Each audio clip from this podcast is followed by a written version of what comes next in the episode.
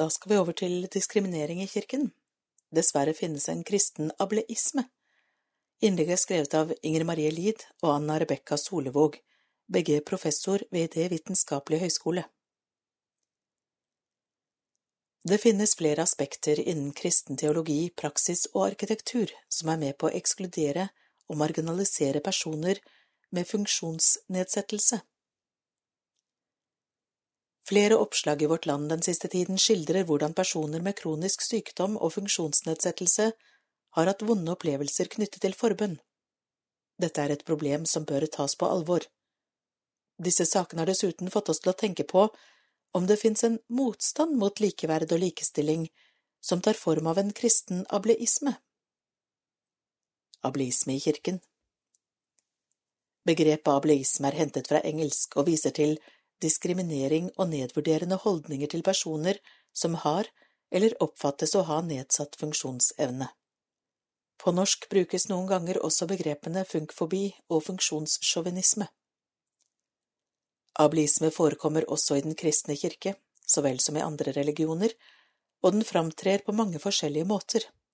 Det kan handle om materielle ting i form av utilgjengelige bygninger, rom, møblering og digitale plattformer, men det kan også dreie seg om praksis, slik som forkynnelse, bibeltolkning, liturgier og aktiviteter. Ableisme kan videre vise seg i mer sosiokulturelle forhold, altså måten vi er sammen på, og hvilke forventninger vi har til hverandre som medlemmer i kirken. Alle disse aspektene kan altså være med å ekskludere og marginalisere personer med funksjonsnedsettelse, og vil til sammen uttrykke en menighets holdning til funksjonsnedsettelse, med andre ord enn teologi. Når vi snakker særlig om kristen ableisme, er det dette vi mener, en ableisme som er forankret i kristendommen som teologi og praksis. Vi skal gi noen eksempler på dette. Forbønn og trosopplæring I Den norske kirkes gudstjeneste ber menigheten for syke og ensomme i en av forbønnene. En av oss som skriver, Inger Marie Lid, som selv har lang erfaring med kronisk sykdom og funksjonshemming, opplever formuleringen i denne bønnen som i beste fall tvetydig, og i verste fall å gi en negativ innramming av det å leve med kronisk sykdom. Et eksempel på ableistisk kirkearkitektur er prekestolen, som i mange kirker er opphøyd. I Mortensrud kirke i Oslo er prekestolen en bergknaus som stikker opp av kirkegulvet. Dermed blir prekestolen utilgjengelig for rullestolbrukere og den som har gangbesvær eller dårlig balanse. Et slikt arkitektonisk grep reflekterer en ableistisk forventning om at en prest eller forkynner kan stå og gå opp på en knaus.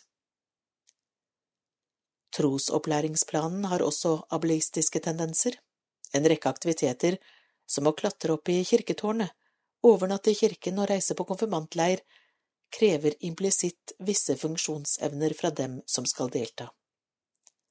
I praksis vil det da kunne føre til at noen velger i hermetegn å ikke være med, eller finne seg i å bli båret av andre til steder som i utgangspunktet er utilgjengelig for dem. Aktive omsorgspersoner innenfor det diakonale arbeidet kan få nok å gjøre dersom rammene ikke er valgt ut fra verdiene likestilling, likeverd og deltakelse et teologisk oppgjør. Holdningene som har kommet til uttrykk i oppslagene i Vårt Land om forventninger til helbredelse og beskyldninger om svak tro, er eksempler på en mer eksplisitt teologisk holdning som vi vil si er ableistisk.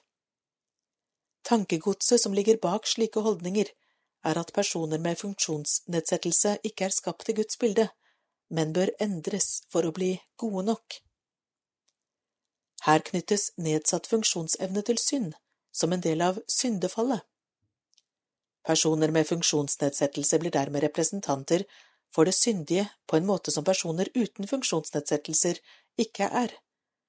Dette er et forfeilet skille mellom mennesker som er like for Gud, og det er skadelig teologi. Ifølge Første Mosebok er alt skapt preget av mangfold. Flertallsbetegnelser brukes både om Gud og om mennesker og om det skapte. Det teologiske poenget er ikke at et normalt menneske ble skapt, og så skal alle mennesker ligne dette mennesket. Nei, Gud skapte mennesker. Mangfold er ikke en feil, eller noe vi skal vurdere som godt eller dårlig enkeltvis, det er selve mangfoldet som er godt. Hvis en mener funksjonsnedsettelse er et resultat av syndefallet, vurderes livsvilkåret som en feil ved skaperverket. Dette er et tankegods det er nødvendig å ta teologisk og etisk oppgjør med. Teologisk er dette ikke en bokstavtro bibellesing, fordi Bibelens tekster på ingen måte er entydige. Må tas på alvor. Farida Nabagala, som leder organisasjonen Alblum, har fått ledere i Norge til å skrive under på en felleserklæring som sier at funksjonshemming ikke er en straff fra Gud. Vi har kanskje tenkt at dette ikke er nødvendig i vår tid. Dessverre viser sakene vi her har diskutert, at det fortsatt er behov for at kristne kirker og trossamfunn og teologiske fagmiljø høyt og klart slår fast at funksjonshemming ikke er en straff fra Gud. Vi må fortsette å presisere at dette livsvilkåret ikke kan knyttes til synd eller svak tro. Det er fortsatt behov for systematisk og kunnskapsbasert arbeid for å styrke likestilling og likeverdige muligheter til å delta i kirke og i religiøs praksis på alle nivå, og i alle roller.